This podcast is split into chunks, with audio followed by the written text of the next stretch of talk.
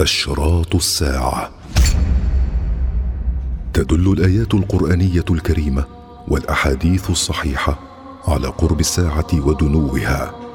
فإن ظهور أكثر اشراط الساعة دليل على قربها وعلى أننا في آخر أيام الدنيا. ظهور الخسف والمسخ والقذف. عن عائشة رضي الله عنها قالت قال رسول الله صلى الله عليه وسلم يكون في آخر هذه الأمة خسف ومسخ وقذف. قالت قلت يا رسول الله أنهلك وفينا الصالحون؟ قال نعم إذا ظهر الخبث. وعن ابن مسعود رضي الله عنه عن النبي صلى الله عليه وسلم قال بين يدي الساعة مسخ وخسف وقذف.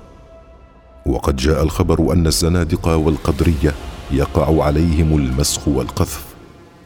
روى الإمام أحمد عن عبد الله بن عمر رضي الله عنهما قال سمعت رسول الله صلى الله عليه وسلم يقول إنه سيكون في أمتي مسخ وقذف وهو في الزندقية والقدرية. وفي رواية للترمذي في هذه الأمة أو في أمتي خسف أو مسخ أو قذف في أهل القدر وعن عبد الرحمن بن صحار العبدي عن أبيه قال قال رسول الله صلى الله عليه وسلم لا تقوم الساعة حتى يخسف بقبائل. فيقال من بقي من بني فلان؟ قال فعرفت حين قال قبائل. أنها العرب لأن العجم تنسب إلى قرأها. وعن محمد بن إبراهيم التيمي قال سمعت بقيرة امرأة القعقاع بن أبي حدره تقول سمعت رسول الله صلى الله عليه وسلم على المنبر وهو يقول إذا سمعتم بجيشي قد خسف به قريبا فقد أظلت الساعة. والخسف قد وجد في مواضع في الشرق والغرب قبل عصرنا هذا ووقع في هذا الزمن كثير من الخسوفات في أماكن متفرقة من الأرض وهي نذير بين يدي عذاب شديد وتخويف من الله لعباده وعقوبة لأهل البدع والمعاصي كي يعتبر الناس ويرجعوا إلى ربهم ويعلموا أن الساعة قد أزفت. وأنه لا ملجأ من الله إلا إليه. وقد جاء الوعيد للعصاة من أهل المعازف وشاربي الخمور بالخسف والمسخ والقذف. روى الترمذي عن عمران بن حسين رضي الله عنه أن رسول الله صلى الله عليه وسلم قال في هذه الأمة خسف ومسخ وقذف. فقال رجل من المسلمين يا رسول الله ومتى ذلك؟ قال إذا ظهرت القيان والمعازف وشربت الخمور. وروى ابن ماجه عن أبي مالك الأشعري رضي الله عنه قال قال رسول الله صلى الله عليه وسلم لا يشربن ناس من امتي الخمر يسمونها بغير اسمها. يعزف على رؤوسهم بالمعازف. يخسف الله بهم الأرض. ويجعل منهم القرد والخنازير.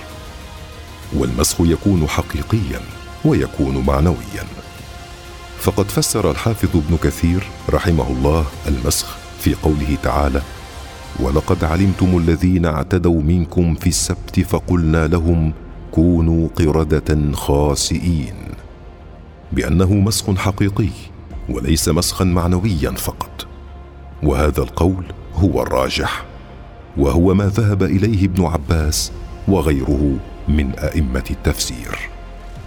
وذهب مجاهد وأبو العالية وقتادة إلى أن المسخ كان معنويا وأنه كان لقلوبهم ولم يمسخوا قردة. ونقل ابن حجر عن ابن العربي القولين ورجح الأول. ورجح رشيد رضا في تفسيره القول الثاني. وهو أنه كان مسخا في أخلاقهم. واستبعد ابن كثير ما روي عن مجاهد وقال إنه قول غريب. خلاف الظاهر من السياق في هذا المقام وغيره. ثم قال بعد سياقه لطائفة من كلام العلماء الغرض من هذا السياق عن هؤلاء الأئمة بيان خلاف ما ذهب إليه مجاهد رحمه الله من أن مسخهم إنما كان معنويا لا صوريا. بل الصحيح أنه معنوي صوري والله أعلم. وإذا كان المسخ يحتمل أن يكون معنويا فإن كثيرا من المستحلين للمعاصي قد مسخت قلوبهم فأصبحوا لا يفرقون بين الحلال والحرام ولا بين المعروف والمنكر. مثلهم في ذلك كمثل القرد والخنازير. وسيقع ما أخبر به صلى الله عليه وسلم من المسخ سواء أكان معنويا أو صوريا.